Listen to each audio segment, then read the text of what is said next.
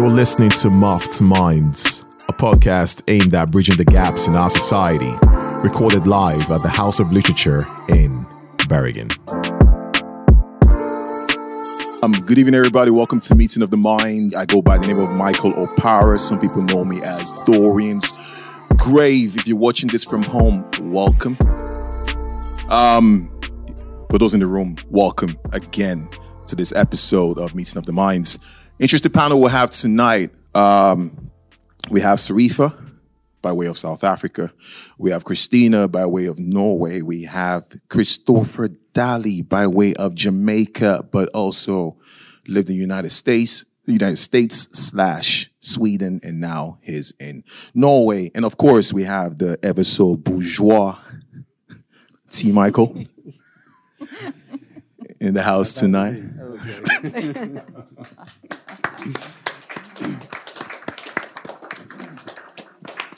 Um, the panel has been asked to bring their own topic to the table, and I felt like that was a good thing because it actually creates a more interesting conversation and a more diverse approach to the question at hand.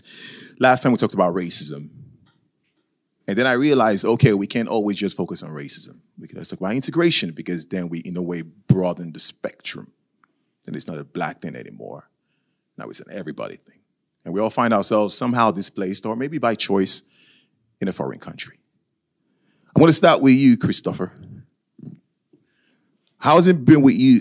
What's been your, what's your journey been like so far? Being in Norway, are there things you agree with, or are there things you disagree with? You'll find out tonight, won't you? Well, I want to find out right now. Okay, so let me start by making a disclaimer. I, I think it's appropriate, and I have to, just in case. So, dear Norway, dear Norwegians, the ideas I express tonight, they're solely mine. They're not an attack on Norwegian culture or Norway or any ideas, but I believe as an immigrant, since as he just asked me, my interpretation now with living in these different places, if I'm going to adapt to Norwegian culture and the ideas of Janteloven, I believe every idea has to be scrutinized rigorously. And this is where I come in tonight, where I find some stuff where I easily, what do you say? In Swedish, they say, anpassa sig, or, you know, that I fit in, I fuse in with the culture and it's okay, but then there's some issues and some thresholds and there's some social strata interaction where I find very problematic and concerning. And from that, I will offer a human right. I give an example employment.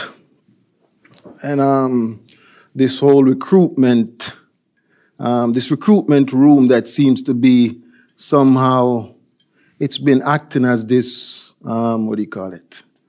It's been acting as this buffer that's actually been hampering people of African descent from integrating economically into Norwegian uh, culture, or, and I would say that kind of robs them of the pursuit of good life and happiness. See, Michael, do you agree? I'm just trying to figure out what he's trying to tell, tell us. So if you can um, go a little bit deeper, please. Okay, for example, um, we don't know. Um, I don't like using the word racism, or also when I left America, I didn't know that. I thought the issue of race would have left. I would have left it behind, because I was going to a country where, in a similar effort like Jamaica, it doesn't track you politically with a race. So I didn't have to fill out any paper in Sweden that said I was, I was black. But politically and socially and economically, by hardship of finding um, gainful employment, I started to recognize these biases or against people with foreign born, that they said utlands, rikfödd, or foreign, I don't know how they say it in Norwegian. So, you know, I would meet these people at what they call it, Arbeidsformidlingen, and all these stories, this rich history of black men with from uneducated to highly educated. And for some reason, like me now, I've been here for 10 years without a full time job. So I started to wonder, I said, is it racism? Like, you know, I, I don't want to use that word because I've never used that word in America. I came to America, immigrant.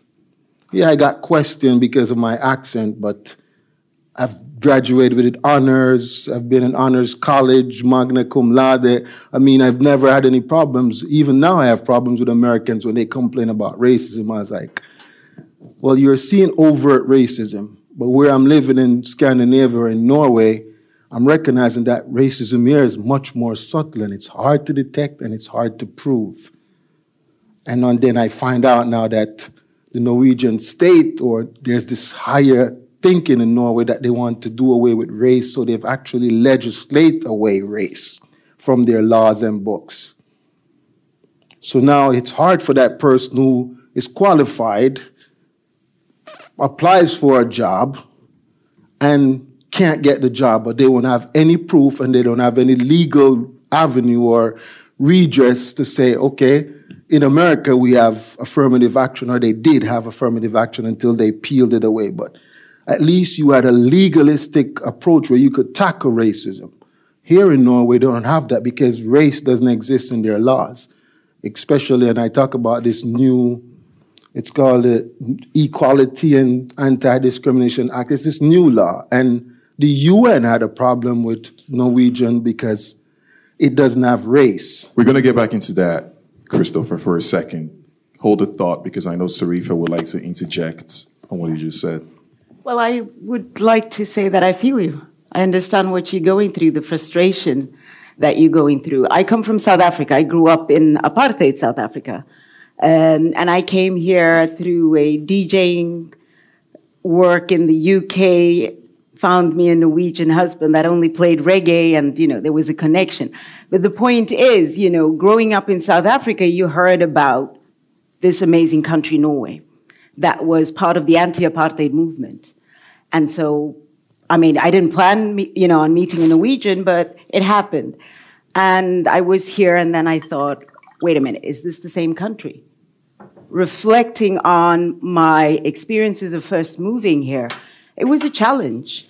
And a lot of us, people with foreign background, first two years, you know, you go into that state of depression because you do have, you know, you, you know, fall into the stereotype or the label that, you know, we get on our foreheads, which is, you know, to exploit the welfare system. And we're not about that. So it is very frustrating. And, and I understand where you're coming from. Um, I've been to an extent lucky in the sense that I ended up working for local, uh, for the Red Cross and then local government with refugees. And now I've started my own business. Um, but in the process of trying to understand Norwegian society, I needed to actually reflect on who I was. Who are you? What do you bring to the table? What is your superpower and how can you use that to help change the dynamics? And so for me, I'm more about, you know, coming from a place of being more self-aware and a place of creating your own belonging. You don't have to fit into what package Norway gives you, but you need to fit into your own space. You need to create your own space. Speaking of creating spaces, T. Mm. Yeah, um, I, I well put it so. Let's let's move it a little bit on because I, I like your intro. And I like where you came in from as well because you acknowledged what he's talking about, but at the same time, you highlighting the fact that you can create your own space. Um, and I like that very much because I think I'm, I'm very much for that. But then, what about all the other people that cannot create their own space? What do we do for them? You know, I think usually the problem lies what you're talking about is the fact that you get a group of people that will socialize together and share their experiences together what happens is if you are sharing negative ideas and negative um, problems, you end up in this hole and it gets mm-hmm. bigger and bigger and bigger. Mm-hmm. So the point is, and I think that the, the um, what I'm going to drive at tonight is to create a network because you need to have people that would take you out to that hole, people that would inspire you totally to want to get out of that hole. You need people that will tell you that, you know, I know it's bad, but you can find another way out.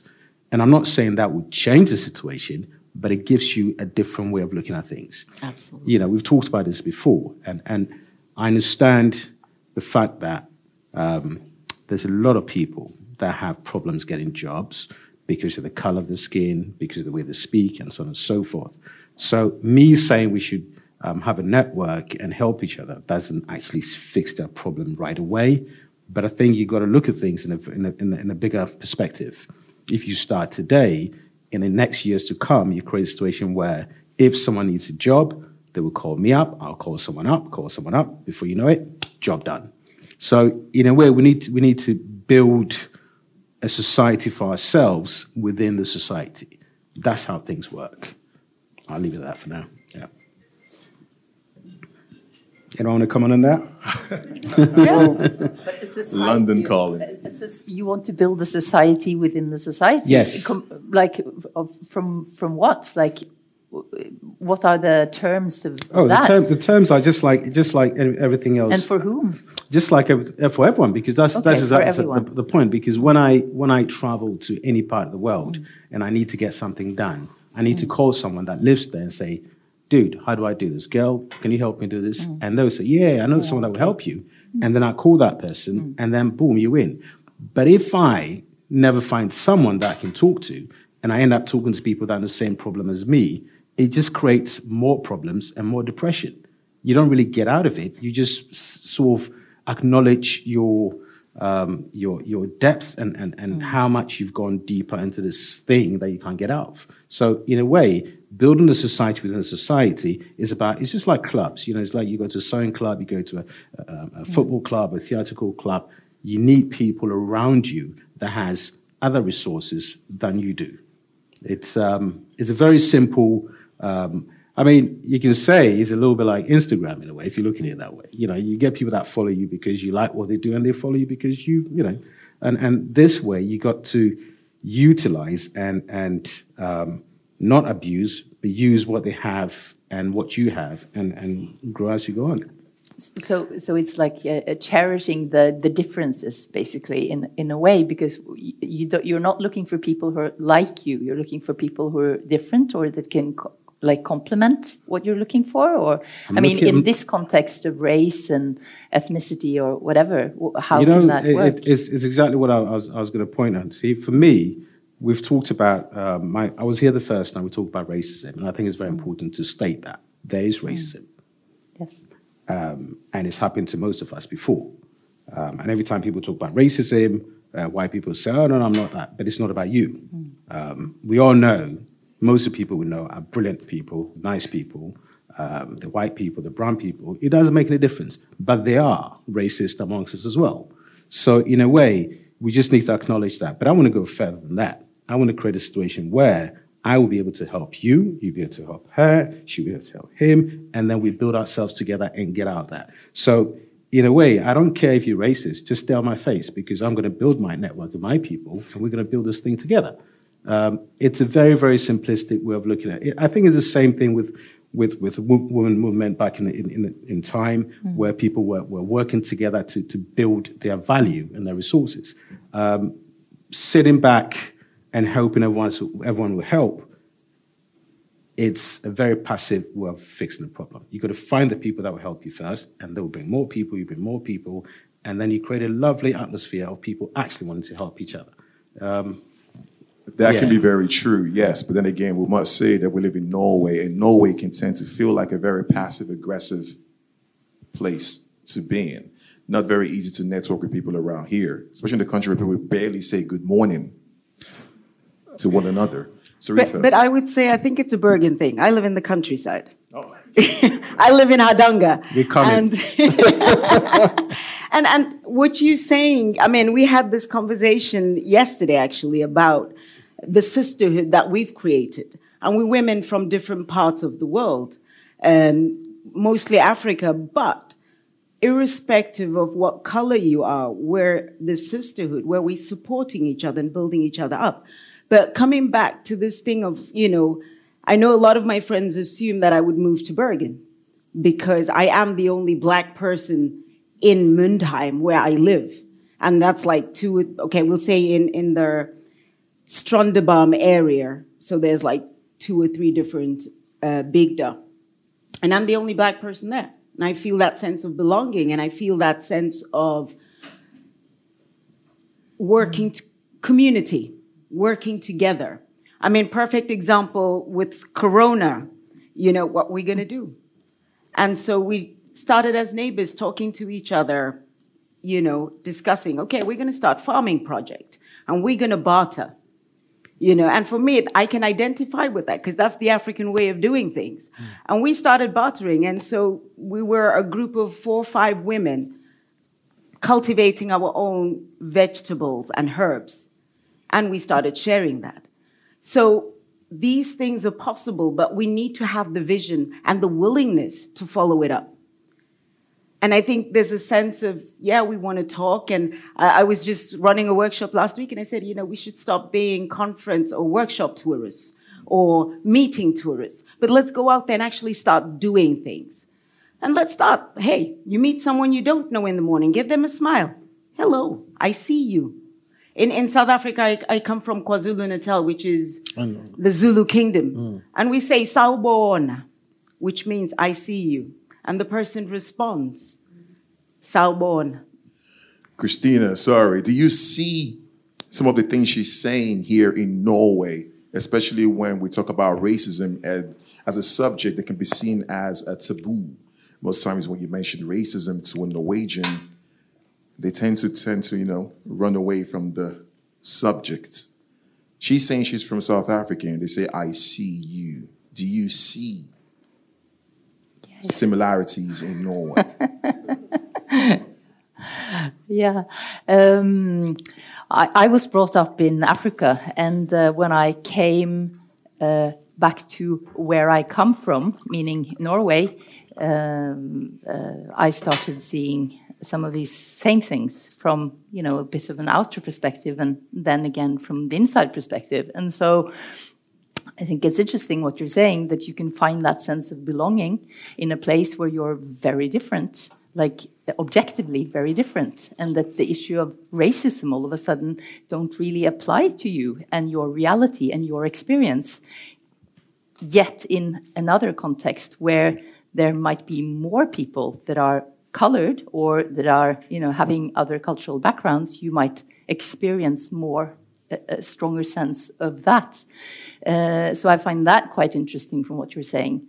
Um, and so I'm, you know, questioning myself, why is that? You know, because then all of a sudden we have to question again that issue of racism in itself. Does it just belong there? You know, or does it is it reproduced through these relationships? Uh, and in your case, you're saying the relationships you're having there, they, they don't reproduce that sense of racism. And this is something that I, you know, I really think we need to talk about because I strongly believe, like we talked about before, that we need to talk about racism.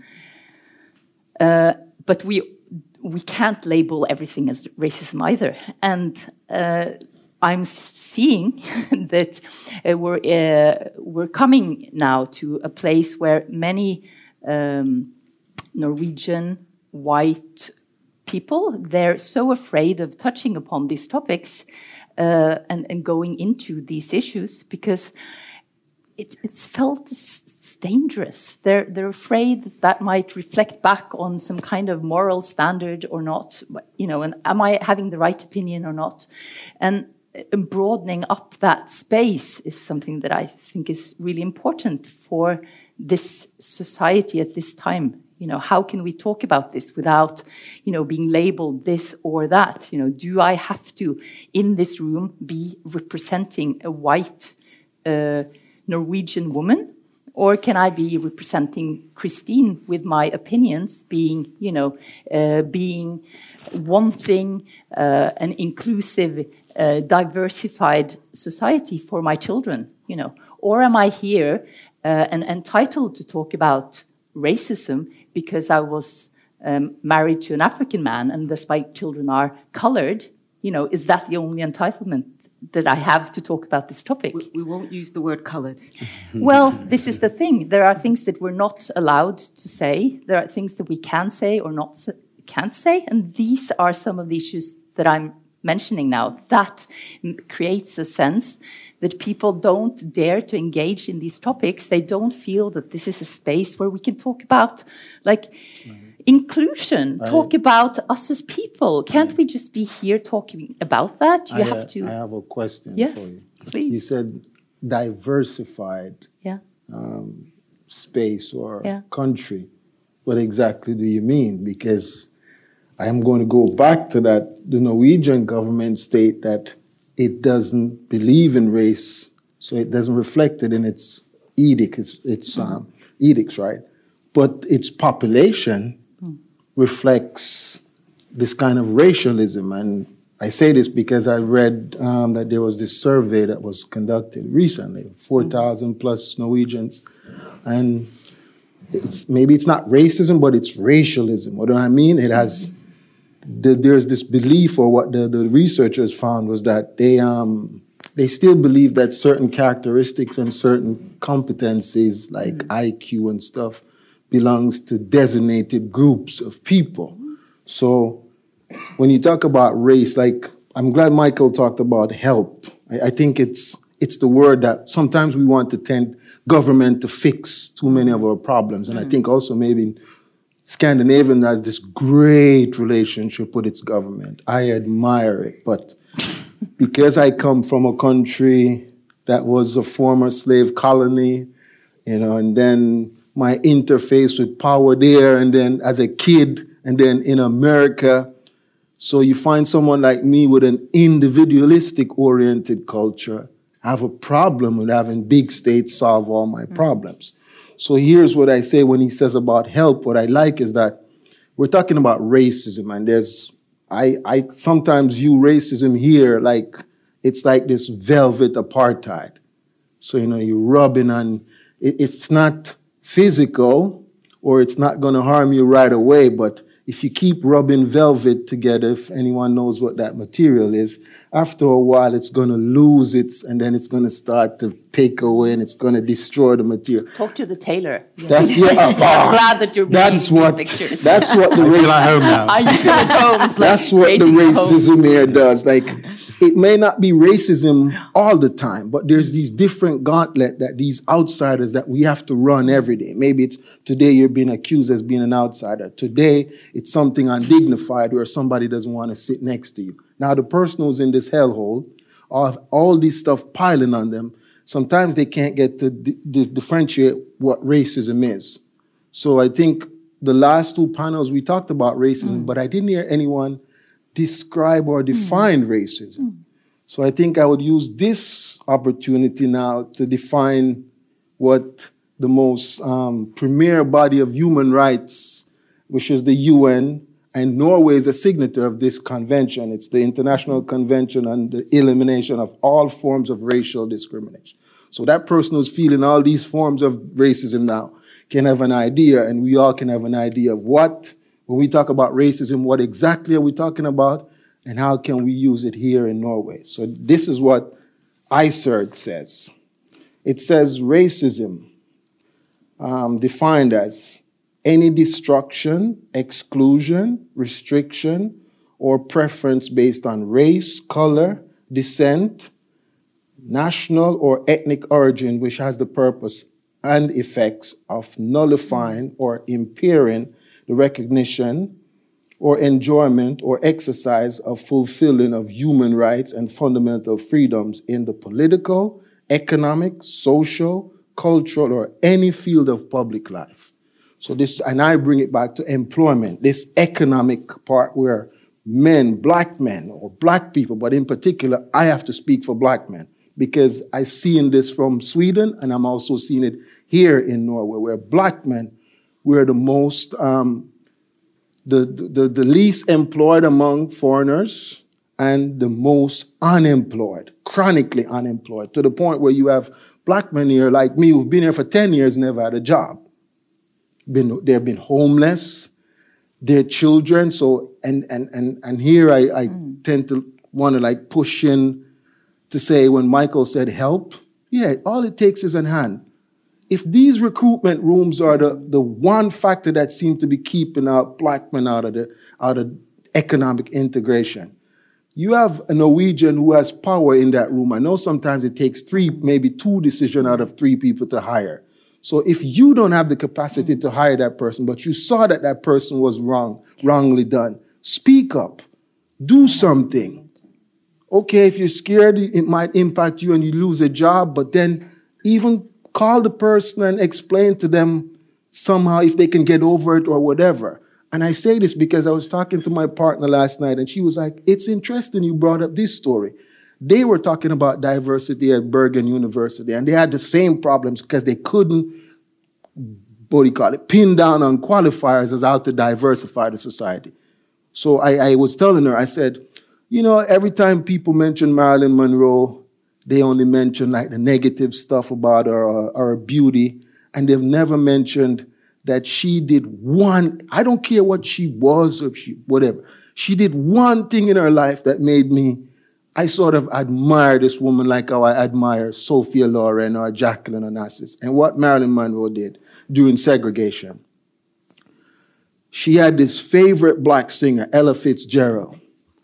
The clubs would not let Ella Fitzgerald sing. I mean, the best vocals in the world at that time was her. And here you are, you're seeing even qualified. She couldn't get a job. So what Marilyn Monroe did, she said, You want me to be at your club? Because if Marilyn Monroe was in one of those juke joints, they would make millions of money. You had the mob, the money flowing. So Marilyn Monroe said, I will only come to your club if you let my friend sing. So every night she would sit front row, just right, like right here, because she said also they would come and harass her, maybe to spit on her, whatever. So Marilyn Monroe sat in the front row every night to allow Ella Fitzgerald to sing. I'm employing Norwegians who have this kind of capacity. You don't have to fight racism. You don't have to be in solidarity with me as a black person. So, oh, Black Lives Matter. No, for me, it's not Black Lives Matter, it's Black humanity matters. And this is how you this is how you share, you contribute to humanity by helping someone or, or a group of people who've been, for whatever reason it is, because but I know lots of people who don't want to be helped. They want to be taken seriously for their competence, for their resources, and not be helped by, you know, for some humanity reasons. They would want to But- be, but- you know, considered as a. I don't. know- I don't think help. but sort help in this uh, capacity is not is it's- not Yeah, it's I- not I think- handout. I think. I think we are. It's We are speaking sort out. of mixing up the help here. Help Yeah. doesn't mean it's a handout. It helps. Yeah. you know, practical assisting people to gain Yeah, their goals okay. Mm. and again what you want. So Yeah. We, we don't want you know no one wants help just for the help's sake. No, people want Mm. to be um, taken seriously and they can realize their potentials and, That's and that- that, kind of thing. So That's my point. yeah, Yeah. yeah, Okay. true. so Sorry then- for what you're thinking. yeah. Yeah, I, I'm th- that. That's great stuff, and I totally agree. Um, but it's not just there where we're supporting each other, and I know somebody, I'll hook you up. Befriend. Try to get to know a black person or a Latina person. Try to get somebody that you've never known before. I mean, one of the things I've found very frustrating um, in Norway is when, you know, I'll, I'll use an example of the local paper where we live, and there was a huge two page report on this young woman who had been to Tanzania, right? And she wanted the ethnic and African experience. and there's so many Africans in Kvam. What, why don't you befriend one of those? You know? Why do you have to go to Tanzania? The other thing that was frustrating was the fact that she was in a maternity ward and she took a picture of a woman about to give birth. That's so unethical hmm. because I cannot walk into Haukeland and take a picture of a Norwegian woman giving birth. Facts. You know? So these are the things. Let's get to know each other, not as black or white or Latina or whatever, as human beings. Let's take that initiative. Invite each other over for a cup of tea. You know, for me, I, you know, I, I'm I'm grateful for this opportunity, but I'm done with these meetings. Let's be practical. Let's go out there and get to know each other and begin to develop human experiences and helping each other, supporting each other.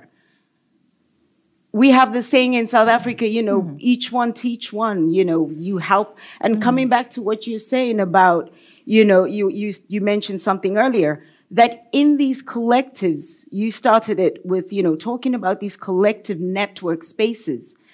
I was raised that when you're moving forward, you never leave your people behind. So you bring them with you in this process. It is a process. This is just a start of, I mean, our kids are not going to see the end of racism, but we can put a footprint in that process. And it starts by us getting out of these rooms and actually going out there and doing the work. Speaking to people. Because for, you know, the, the thing about Norwegians don't know how to engage. Come on you know, we need to take the initiative. You'll never know how to engage, but just start with the hi or the hello. Good, good bra idag? Ja, supert. Hyggelig å. And then tomorrow you'll meet the same person in the B-Bahn. Take it the next level, you know? But the hmm. fact that we're not even seeing each other, we've hmm. become, you know, I was saying to someone that we haven't hmm. evolved as human beings. Maybe we're going backwards. I don't know, but we need to become more human. You know, I'm, I'm, I'm African. I'm a Pan Africanist. I'm an anti racist. And we have this saying, Umuntu ngumuntu ngabantu. I am because of you. You are because of all of us. And we all need each other to play their role to make sure that our society and the world becomes a better place for our children and their children. But anyway, sorry. No, don't be sorry at all. You said it right. Um, I would like to ask you, a question. Um, we talked to, for example, Christopher, you talked about the black man, and sitting right close to you is another black man, of course, uh, T. And I would like to believe, T, you've been here for a while. You've had your fair share of racism for sure.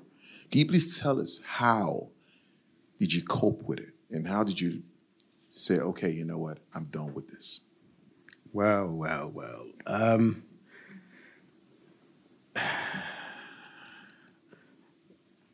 I don't really care about what people think about me, though. You see, I think I think it's the start of everything else. That's where I start from. I'm very much concerned about what I like to do and I want to, what I want to accomplish. So, in a way, I, I create my own kind of bubble, you know, and I live in that bubble because I believe it's a better place to be. And I bring people into the bubble, or people put me in their bubble as well, and the bubble gets bigger. Um, and one could say, well, at a certain point of time, you should or have been in a position where you sh- you, you've been at mercy of someone else's hand or so. But, but the thing is, I, I trained to be a tailor and I lived here and I did everything else that all of you did. Um, and I took the bus just like everyone else. And sometimes someone would not like to sit by my side, someone someone would do.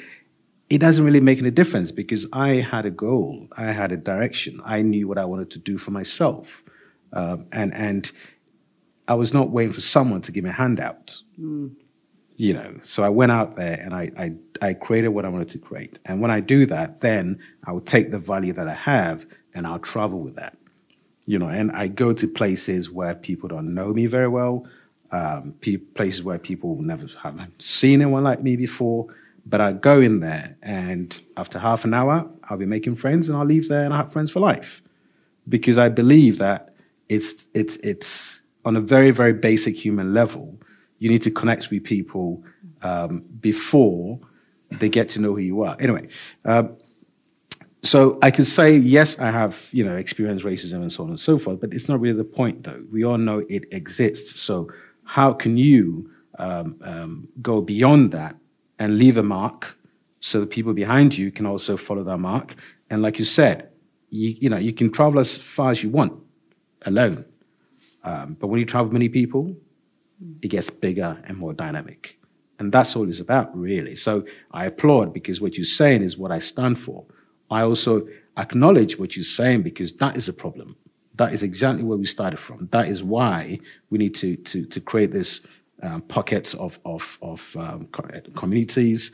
Um, and then we need to go beyond that. But racists are always going to be racists.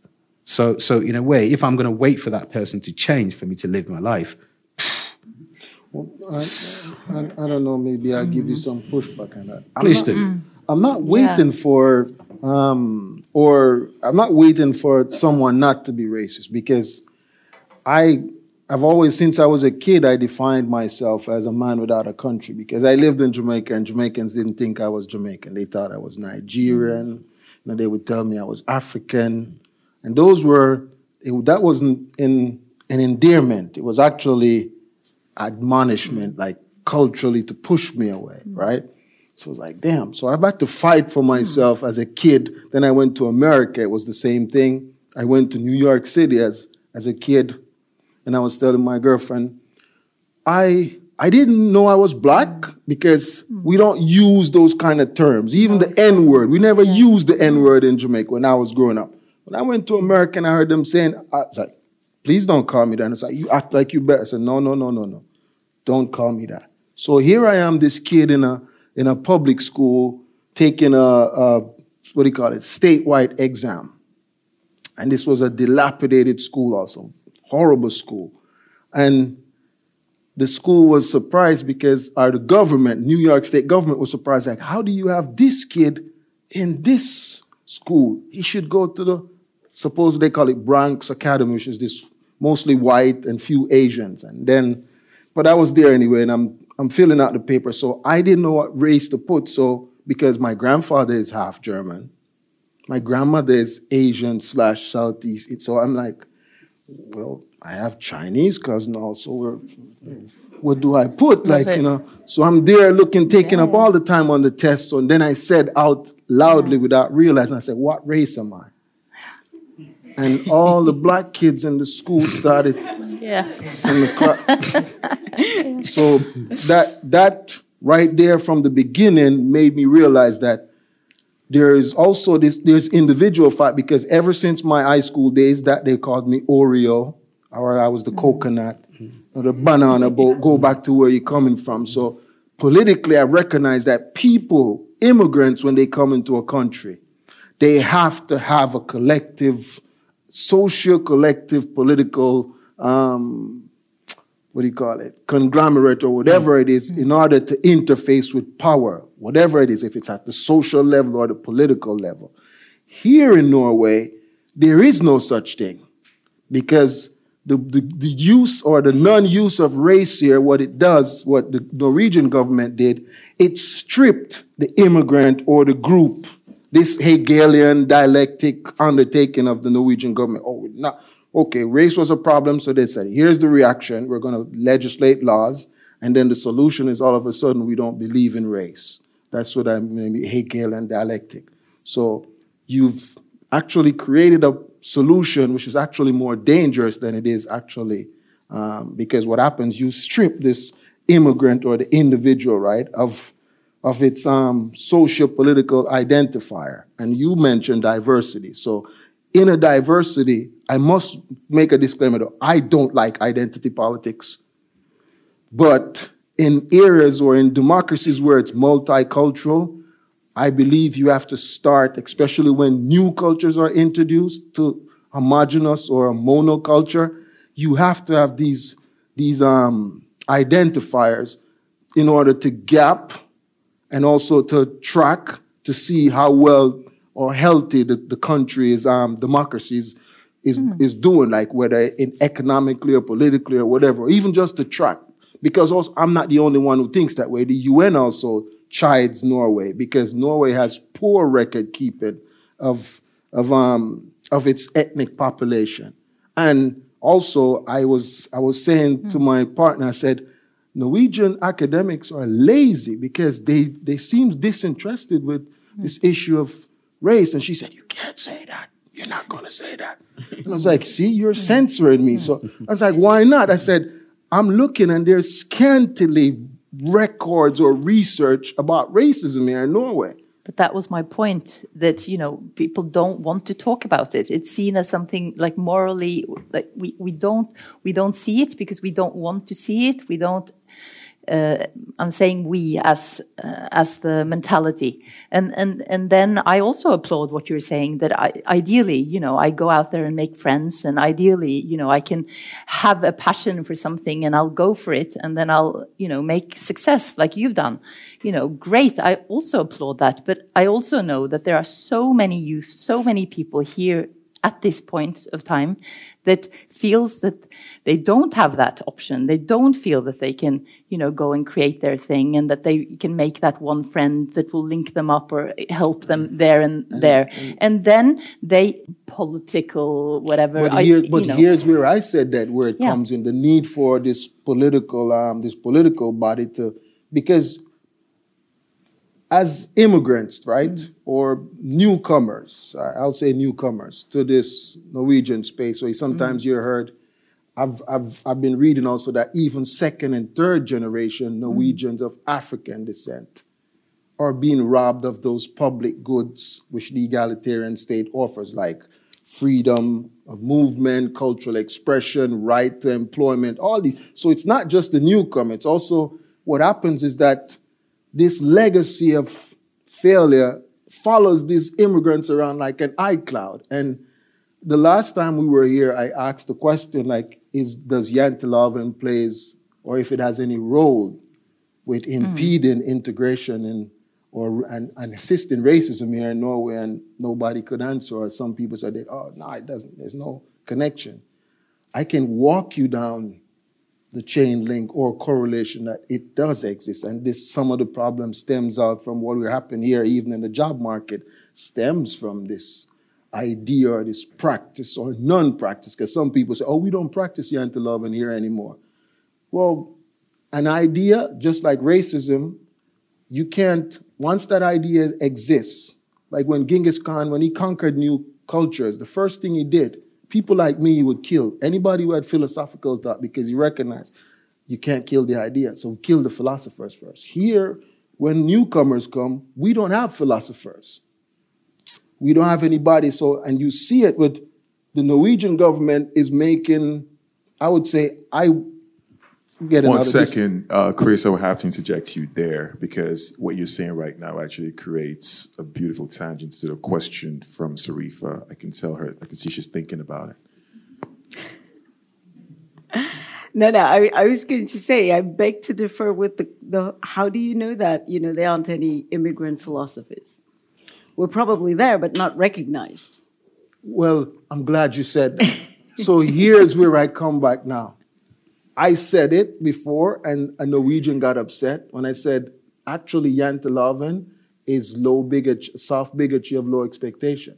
Because it doesn't, when, when we interface with the, the first time immigrants come into Norwegian society, respectability politics is played out and interfaced with Janteloven. Janteloven has low expectation of, of immigrants. It has this rigid, it's this rigid, unquestioned obedience that's supposed to have, and it puts immigrants in this subordinate, this permanent subordinate positions. And you see it even in terms of with Africans who are educated ending up after doing menial jobs here. how, um, how do we turn that on its head? I mean, we can talk about this, Yeah. but for me, it's about where to from here. What's the next step? You know, how do we mobilize ourselves as invandrara? Because that's one of the challenges, mm. you know, that we mm. can say that, you know, Norwegians are not meeting us halfway, they're not recognizing, but we don't recognize ourselves as Africans. good point. Or we don't recognize ourselves as people from the Caribbean mm. or, Good point. you know. so I think we need to do a lot of work on ourselves and mobilize and, and get these networks going where we are strong enough to be able to begin to engage on that level, where they begin to see that we exist and they cannot stop themselves and say, no, no, no, this doesn't exist or we can't see this. We have to be more present. Well, I, I have a solution. My, my friend in Sweden, he started his own business. Come on. Yeah. Yeah, There you go. started- I yeah, see like- Michael's Right. here, you know. That's my- I've started my own business. started his own you know. business because if they're not going to hire you, like I was even telling my partner. I'm tired of filling out applications. I mean, I was known to getting scholarships from writing during university. I didn't pay for university. My writings, my penmanship was so brilliant that it paid for my four years of university. And I've tried everything they've told me to do. I've tried creative way here, here's this. It doesn't work. So I recognize that also as black people, the ones who've been here the longest or the ones who are new and that you know someone who has different skill, we have to start thinking about forming vertical businesses where we can hire someone else. So that's a solution. But also, I think also we're we're kind of since this is an egalitarian state and everything moves through Big Brother, I'm sorry, but I'm not going to let Big Brother off the hook. Big Brother needs to play its its premier part where it does when every other social aspect and life here. And Christopher, so, I think you're approaching this from a very academical perspective. I, I am actually. Right. Um, which pretty much lends credence to the idea that maybe sometimes we read too many books and then we attach our mindset to those books. We talk about Janteloven sometimes, and I sometimes tell people that Janteloven is simply something that exists in your mind. It's really not a real thing. And like T. Michaels said, you have to probably ignore what's going on outside and focus on your own strength and what you can achieve. At least fail once. Eight well, times at can least. I, can, I, yeah. can, I, can I come back then? Can I come back? but let, no, let, me, let me, let see, Michael, what you going to say? Yeah, let, let, me, let me jump on that. Uh, you know, I, I, I think you talked about all these kids out there that's been left out, um, all these kids that are growing up. Um, and, you know, it, it's all about one. at least they're feeling that, and yes, we have to yes, acknowledge the fact that, that you know this yes. is an experience that many people have. It's very true, and, and they link it to their identity. Exactly. And so, what do we do about that? And you know, and this that's, is, that's this is ultimately the question. Exactly, and the thing is, you know, you there's there's always going to be someone greater or smaller than you. It doesn't mm. matter where you are. Mm. But the point is, when we have a society where um, we we discriminate uh, discriminate mm. against people we create a situation where you look at yourself uh, with, um, you, you cut yourself short every time because it's always lingering there, wondering if you didn't get that job because of mm. X, Y, Z. And that, it's a heavy weight to carry. So, mm. one, you need to try and get rid of that first.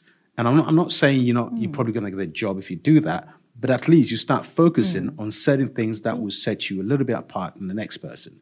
So when you start doing that, it means you need to increase your skill level mm. in whatever you do. You need to start mm. looking at different people that could help you gain that employment that you're seeking for. Say hello to people, like you said, mm. um, meet other people, and find role models that hmm. would help you get yourself out of that hole. Hmm. Because if you hang around with just people that see this as a problem, hmm. you're just going to get deeper and deeper into it. And I'm not saying just when you do that, bam, problem is gone. It's not like that. But it's a movement. It's, it's a step at a time. You move with the village, and the village grows bigger and stronger. Um, so when I say focus on your own source strength and, and your mm. own space and build your own bubble, I'm not saying ignore everyone else, but you can only help people if you mm. have a better platform yourself. So in a way, it, it, it's um, it's a whole sort of a mind game in a way. You know, you can sit back and look yourself as a victim, and then you you fall deeper into it. I'm not saying racism is not there. I'm not saying you know things are mm. going to go away, but there's other ways of looking at the problem as well. Emancipate yourself from mental slavery. that's what you're talking about. Well, exactly. That's what you know, is. and and this is it. We need to you know work on the psychology of the black person or the psychology of, of us as human beings. And if we can't change this, I mean, um, Steve Biko. Um, said, you know, one of the things that we need to start teaching each other and our children is that white people are not superior, they're human beings. And black people are not inferior, they're human beings. And we need to re educate because the whole schooling system, you know, everything takes us into this divisive, you know, society where you socialize that you're going to be different and you're going to be treated better than the other by virtue of your hmm. skin mm. color. But we need to now begin to change that. And it's how we meet each other. But then again, you know, it's about working on yourself. But I also think it's not an either or. Like, I agree with yeah. you guys both points, but I, I give you an example. Like, for me, mm. right? I grew up in Jamaica as a kid. My mother, I watched my mother became this Pan Africanist and it impacted her to the she got demoted from her government job because all of a sudden there was this beautiful black woman and then she started going to work with her head wrapped like Rastafarians and oh, even to this day, Rastafarians are looked in Jamaica. and I grew up listening, listening to like not the reggae of today, but what we call revolution music. You just mentioned Bob Marley, so I'll tell you, T. Michael. I think the reason why I'm speaking out about racism, and I think I mm. have to continue to ruffle the Norwegian feathers, is mm. because there was this little guy from an island that Europe also loved, mm. called Bob Marley. And Bob Marley said, Get up, stand up for your rights. So you have to, I mean, I'm willing because I'm 45 years old this year. I'm middle aged and been consumed there with mediocrity. So, who? so I, I, I will take all the pressure. I, I will, whatever marginalization that's going to happen from, from me doing it there, because a lot of times people also think sometimes that movement hmm. starts with this great, no, it starts with one person. And from what I'm finding out living in Sweden, my experience and interface with power in Sweden, and now my interface with power here in Norway, it's actually all these these ideas that you're telling people about. If you if you know anything about power, and you were saying that, oh, Chris, you're speaking academically. Well, actually, you have to speak academically. Malcolm X also said it. In order to fight a society or to change your position in a society, you have to know where power lies. Hmm. And power in Norway lies in Janteloven. So you, this is where I, I have to start this ma- because Norwegians were surprised when I said soft bigotry of low expectations. Like, what does that mean? I was like, it's actually Malcolm X talked about white liberals. Like they're actually more dangerous than even the overt racists. Because white liberals also always think he can speak for the black person and that we're somehow this, this um, lap monkey that they could have that they could roll out to play anytime they want or not. And racism, as it is here in Norway, I I am a big fan of philosophers, if you can't tell by now. I'm a big philosopher. So And there's nothing wrong with that. No. there was there was this guy called Alexis de Tocqueville, right? And he's a French philosopher. And Tocqueville was asked to give his comment about racism, what he saw in America. And Tocqueville said, Yeah, when I went to the South, it was vivid, and it was overt, it was cruel, it was up close and personal. But he didn't take away, he didn't take his critique away from the North. He said, Oh, psh, the North was as maybe they're not was as overt as racist as the South was, but oh boy, was those white liberals pompous. So you know you have to speak out, and I think no, I think we need to allow Christina to interject here because a lot of things you've said, of course, is about Norway. And Christina, you being Norwegian, do you agree with what Christopher Put on the spot. you can push back. You don't have to agree. You can also disagree. That's fine. yeah but what are you saying you're you know you're um, pushing back from a norwegian perspective saying that it's that it's a racist society or that we have institutional racism here i mean we we agree that there are you know Uh, I I won't even use that word. no i know but but is that what you know you were asking me you know to he's he's he's, think he's, so he's spoken you trying to get Yeah. in all Yeah. But but um yeah. Are you going to defend yourself against, you know, the white liberals? You know, the, the, the comment about white liberals. What do you think about that?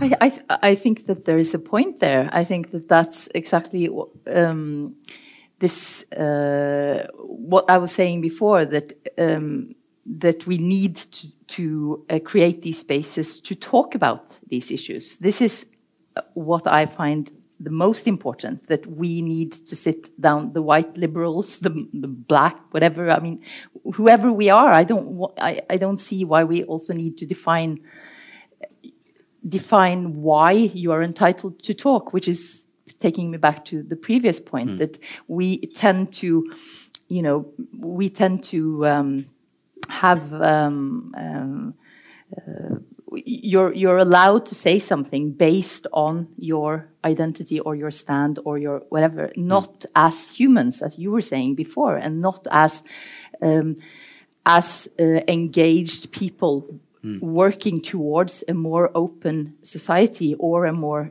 liberal society or a more whatever. We, we are asked to have an opinion based on uh, that inheritance or that color or that whatever. And so that's taking me back to that. And this is uh, why I uh, agree and disagree with you that I'm done with this type of conversations. I'm also done with them. I wish we didn't need them.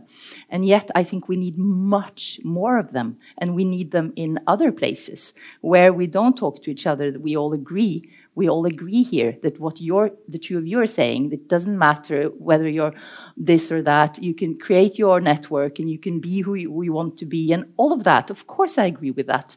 But lots of people don't feel that. And so we have to take these conversations to those places so that people can talk about why they don't feel that they can do that. Why is it that 10 years down the road you're not employed full time, whatever you were mentioning before? You being, you know, who you are.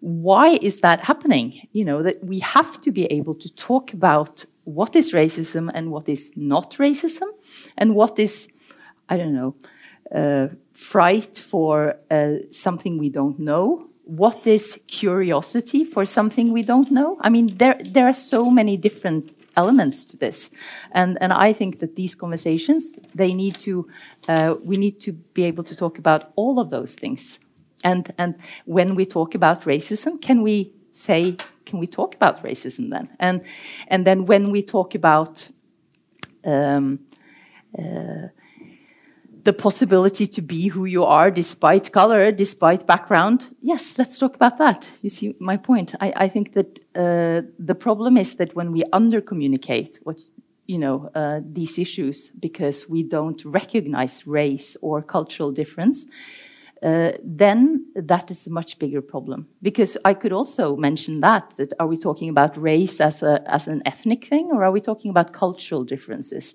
What is the biggest problem. You know, why is it that people feel they're being judged for, you know, being African? Is it because of your it's cultural be, well, it's because difference? it's because one feels it and one knows it. It's not. Yeah. It's it's actually not very.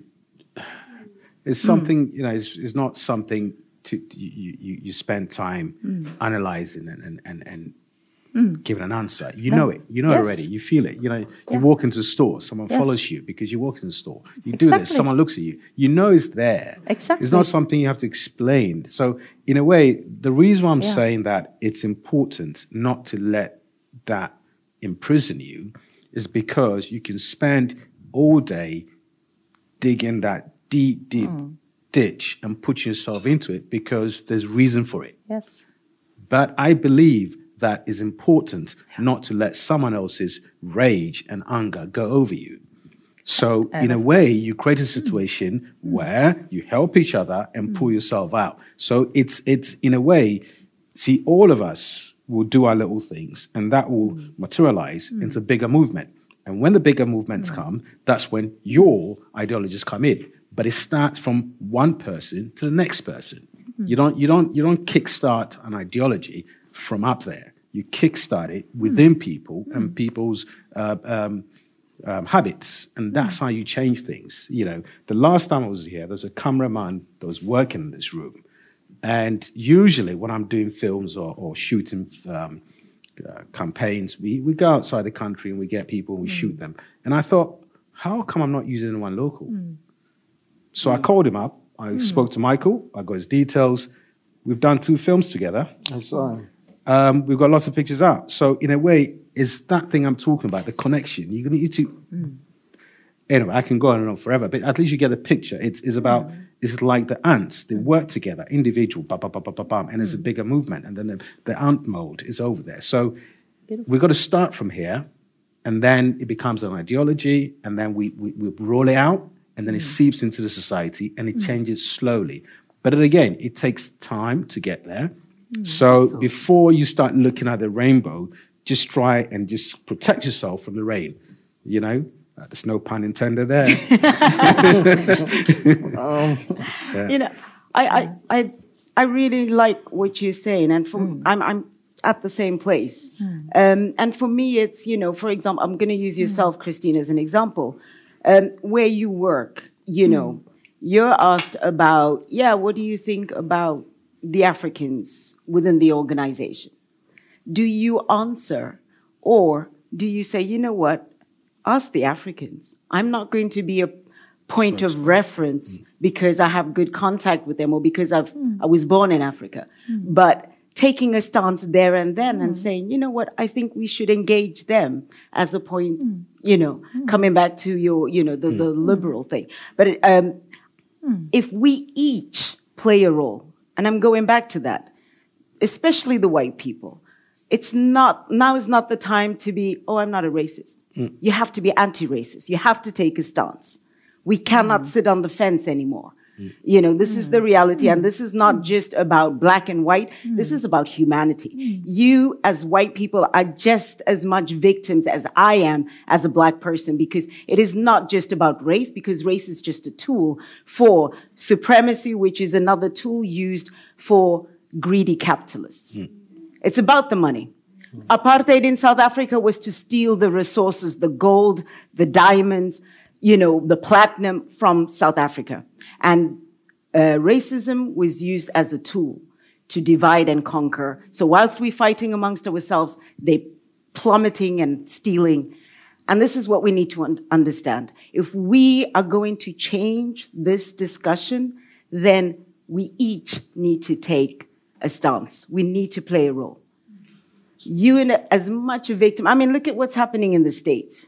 People are fighting and Trump is getting away. The rich are continuing to protect each other. At whose expense? The working class and all the other people. And so this is the thing that I, we're saying, let's, let's move ahead. Let's take this conversation that's happening tonight. Let's take it out there. You have friends. Start hmm. talking about it amongst your friends. Hmm. We can't wait for Michael to organize another meeting of the minds or more workshops. We need to start acting because the time is ticking. Hmm. Whilst we're still talking, child laborers are still forced to work in coffee plantations to send coffee to Europe. This is the reality. So when you realize, I mean, emancipate yourself from mental slavery, that wasn't just to us, it was also to white people because you also are the pawns in this bigger game. And until you realize that, we're going to stay the same. We're going to have this discussion on and on and on. But let's evolve. Let's move to the next level. wow, it's fantastic. Um, I'm, about, I'm about to play the role of a devil's advocate. That's what you do. I have to. I have to. I have to do that. Um, we sometimes talk about how Norwegians or Europeans as a whole are not giving us the chances we need. And please, ladies and gentlemen, you don't have to be black or whatever. You're, a minority, this also affects you too. Right now, this is not a color thing. But we live in Norway, so it's addressed Norway. And we talk about how we're not giving out offered these jobs. Could it be sometimes, sometimes, that we as minorities are not very good at supporting one another? Whose fault is that? I'm asking the panel. The colonizers. The colonizers. No, I mean, I, I say it sometimes that we come here with our colonial mentality. You know, I mean, amongst ourselves, for example, the francophones won't speak to the anglophones, the anglophones won't speak to the lusophones, and we're all in our pockets. And, you know, I laugh and I say, you know, but white people just see us as Africans, you know. And I mean, it's, I, I work, I have worked with refugees for the past 10 years. And it's the same challenge. We're always looking at what's different. And working within a municipality, I've also seen how the system plays into that, where the system itself, you know, will work and say, oh yeah, you know, the Syrians are more educated, so, you know, we'll, we'll help them a bit more than the Congolese or the Sudanese.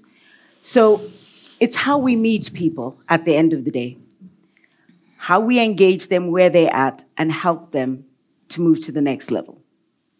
We are all human beings.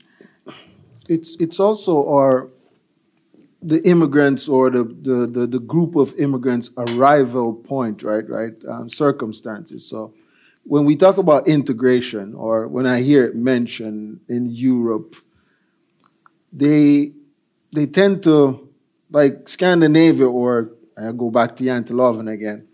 It's this assimilation where immigrants have to shred whatever they were And even when they do, I'm going back to second and third generation Norwegians, get the same thing. But anyway, they said, shred who you are. So that's assimilation and just accept the monoculture or the dominant culture. So you have different group of immigrants coming. You have ISDP. These are people coming from internal conflicts in their country. You have a group that the UN and even the IMF won't recognize. And there's they're like economic migrants or people from the global north who just from the global south who mm. just life is hard and is like the heck with it. And I'm take my chance in in in, in the north. So these are like I, me and my friend was discussing yesterday. We got, we said these are economic migrants, but they're not recognized that way. So when they come to like these places or the global north, what happens is that we come with different issues.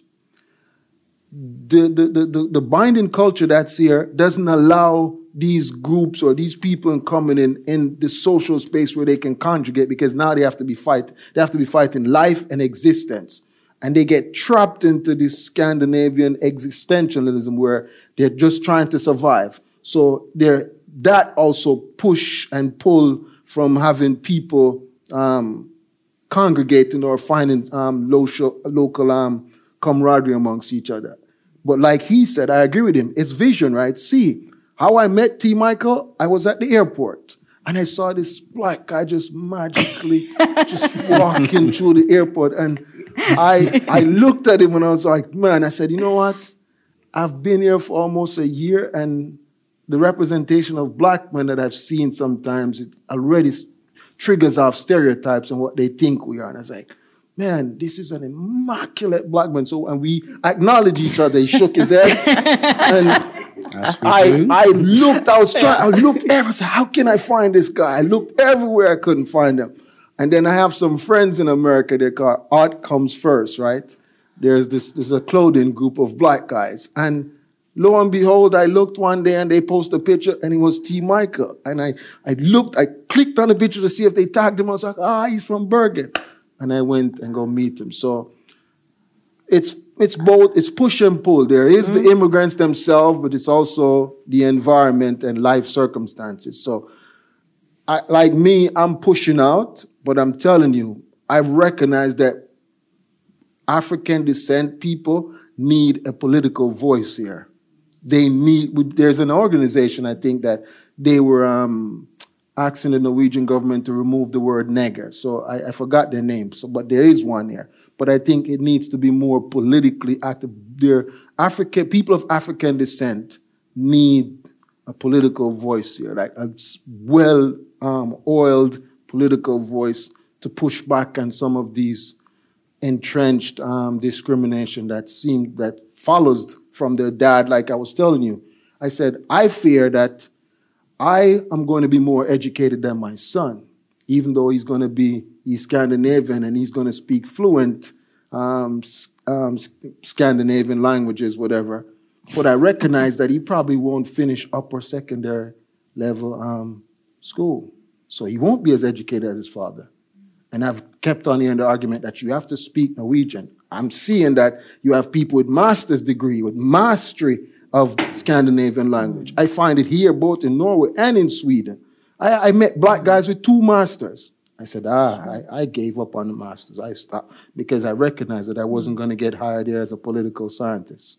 I was even told in Sweden, oh, we don't have any job here as political scientists. And then when I worked to the research, I worked to the, um, the Institute for Security and Development as a security analyst. And I'm sure racism comes in all forms. It can happen any. I met, we were at this um, conference, and this guy from North short, Korea, Chris. yeah, okay, North Korea came, and the guy introduced him, the guy from South Korea introduced him, this is Christopher, a human rights expert. And he wouldn't shook my hand, and he laughed. And then he came over afterwards and he said, You're a human rights expert? And I said, Yeah. I said, Why not? I said, If you treat me like how I want to be treated, everyone's a human rights expert. And then the Beautiful. guy came and apologized to me and said he was he said he was sorry and I so all right, I just want to ask a question to the panel, and then we're going to jump into the audience. Uh, a couple of people have questions I can see. Um, this one is probably for Christina, actually. Um, and of course, anybody else who feels the need to answer. Could it be sometimes that in Norway, um, Norwegians, since we're in Norway, I like to stick to Norway. Um, could it be that Norwegians look at foreigners the same? As in, just because he's brown skin, then they all think alike. They're all the same people. They don't have any ethnic backgrounds, you know. I'm from Nigeria. And sometimes people see me, and before I start speaking, they say, Oh, are you from the States? I'm like, No, I'm not. You go to American school? Uh, no, I didn't. Oh, you must have gone to American school. I'm like, Yeah, I'm pretty sure I didn't. You know, what is that? The stigmatization. What is that? When they look at us sometimes, or a Polish guy, for example, for that fact. What is it in Norway? I feel like it's something in the water. Something in the water that makes us see all black people as one. It's a, it's, it's, That's it's, what you're it's a metaphor Yeah. of sorts. Yeah, There's well- something in the water, there's something going on. Uh, well, being brought up as a white kid in Black Africa, Southern Sudan, How- you know, how was that for you? They they thought that all white people looked the same. Also, you know, they would see a white person and think that you know you look exactly the same as oh, and that was a boy who was you know. So, I think that you know, starting from that point of view, that seeing somebody that are different from you, you don't, you know, you you you relate differently when you you're not used to that. But yet, I think that to to say that that's something in the water that Norwegians see every black person the same, I don't think that. And, very often when we talk to youngsters about this, they, they will, or in discussions about this kind of microaggression or everyday racism, which is a topic that is, you know, quite often talked about these days, uh, then they will say that, you know, they always are asked this question, but where are you from originally, or wh- where are you from egentlig? You know, this question is like a regular question for many young people, either with African background or multicultural background or cross-cultural background, and so, and then. Uh, so then there if you see it from the the person the norwegian point of view if the intention then is to actually try to diversify a little bit maybe that was the intention. They were asking that to try to see you know mm, you know I, I can see that he is you know of a different color than me or he speaks of a different a little bit of a different accent than i was used to hearing from the one other black person I knew from before who was, you know, etc. So they they're trying to navigate through that. I And don't so- understand. I sorry. No, so, so I think sometimes that um, when we talk about these microaggressions that I had wanted us to talk about a little bit now, that many people feel that is very, you know, is patterns of small, you know, comments, small actions happening that this, you know, being pushes you back into that place of feeling degraded somehow.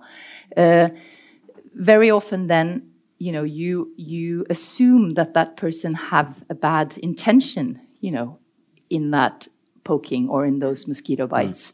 And and then sometimes i uh, i know that that's the case in quite often but quite often it is also not the case.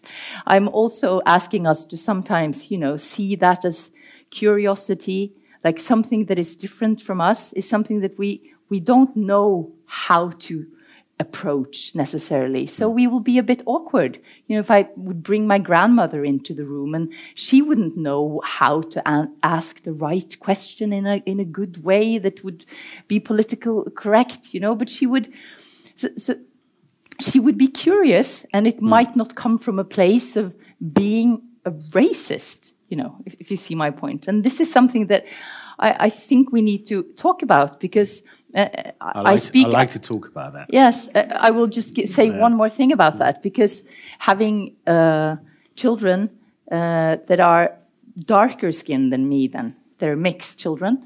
Uh, I I don't uh, want them to feel that if somebody approach them and say, "Oh, your hair looks so," you know, can I, you know, it's it looks so different, you know, it's curly, or they want to touch it, should I immediately help them label that as a racist comment?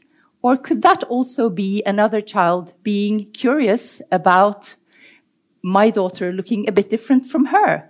You know, so that I know that for some people, having comments about their curly hair, particularly in America at a certain time of you know history. It's it's a deep racist comment that you know triggers all these uh, racist structures. But for my child being brought up in Bergen with all the opportunities in front of her, all the networks that you're talking about in front of her, she's doing well. Do I need to teach her that that comment was racist? Do I? Or can I tell her that that's a curious comment from another person, you know, and you can approach that back. Yeah, you can touch my hair. Can I touch your hair? You know, or can I, you know, can we approach that in a different manner? Everything can be approached in a different manner. I think it's important, important to get that. But but let's let's try and, and, and sort of lay down a few um, facts here because I think that if someone wants to touch my hair, there's two two ways of looking at it. Um, I wouldn't let anyone that I have no connection with to touch my hair. Exactly. It's very simple hmm. as that. Stay off my hair, you know. Hmm.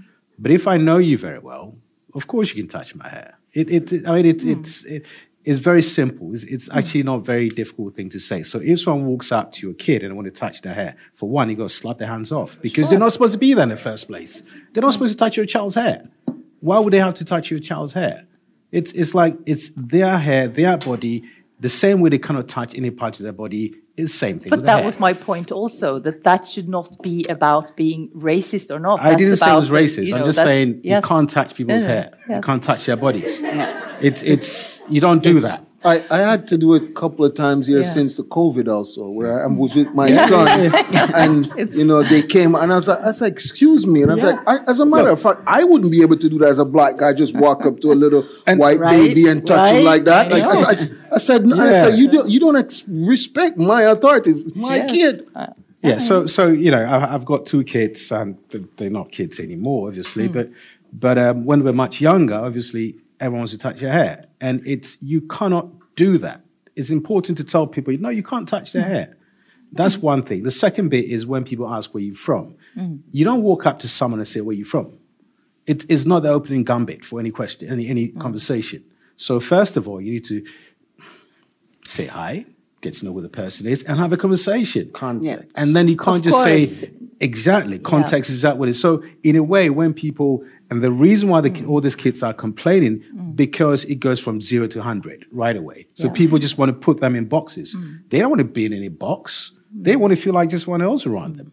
You know. So if you know mm. them, you, you start talking, then you start asking questions, then you get more information. Just the mm. same way they'll ask you questions. That's a conversation. When you start asking this question, is interrogation. You just want to put them in a box so you feel good about yourself. Oh, I know where they're- from. Done. Bye. I'm Well, off. It's it's all it's also power. Mm. It- of course it is. When It's- it's someone says where are you from, like I've had it a couple of times here in mm. Scandinavia, and they've they look shocked when my mm. reply because I told them I crawled out of the ocean. And it's like, what? It's like, yeah, I'm related to Aquaman. Ever since man crawled out of the ocean, I was like, you don't just meet someone and ask me where I'm from because I'm thinking you're trying to place me, us versus them or the outsider. Yeah. You don't know if I'm like one guy asked me one time, say, Where in Africa are you from? And I was like, I'm looking at him, I was like, actually you look like new addition to Europeanness. I actually probably more European than you are. because they came for us. That's your blog. Yeah. I think you should start a blog. How do we engage and how do we talk to each other? Yeah. You know, because I mean, there, there's a lot of that. When you meet someone who's not Norwegian, stakkars. You know, that is such an annoying word. You know, stakkars deg. I'm not a stakkars. Hvorfor det? Sant? Du, du kjenner ikke meg. You don't know me. Why would you assume, and like you said, box mm. that you are a mm. stakkars? So these are the things, these are the conversations that we need to have, you know, on that one to one level and start engaging and challenging. I think one of you said, you know, don't wait, challenge it when it happens. yes. Yeah, yeah. You know, say something there and then instead of, you know, going back home and then, you know, Fuming. you know, but but be confident in who you are and and take it up because then you know you would have ed- educated somebody you know i mean growing up in south africa apartheid each one teach one mm. Mm. so this is it we have to educate each other because not everybody mm. knows mm. we don't know how to speak to each other because we're not used i mean i would see you and i'd be like i mean yeah, are you from Africa? You know? Yeah. My African brother, original, you know? Yeah. But but these are the things that we're always getting. Uh, And these have been complaints, even especially amongst refugee children. I was born here. Hvorfor spørger? Yeah, exactly. Hvor han jeg? Yeah, yeah. This is the only place they know. Mm. So if you speak to your grandparents when you visit, you know, in Gamlaheim or, you know, wherever they mm. are, probably these are the conversations you should be having. Let's have these conversations at the dinner table and start addressing these issues. And, you know, Christmas is coming up. A lot of people will be going home. You got something to talk about. You know? Yo, ladies and gentlemen, please give a round of applause for the panel. Oh my God.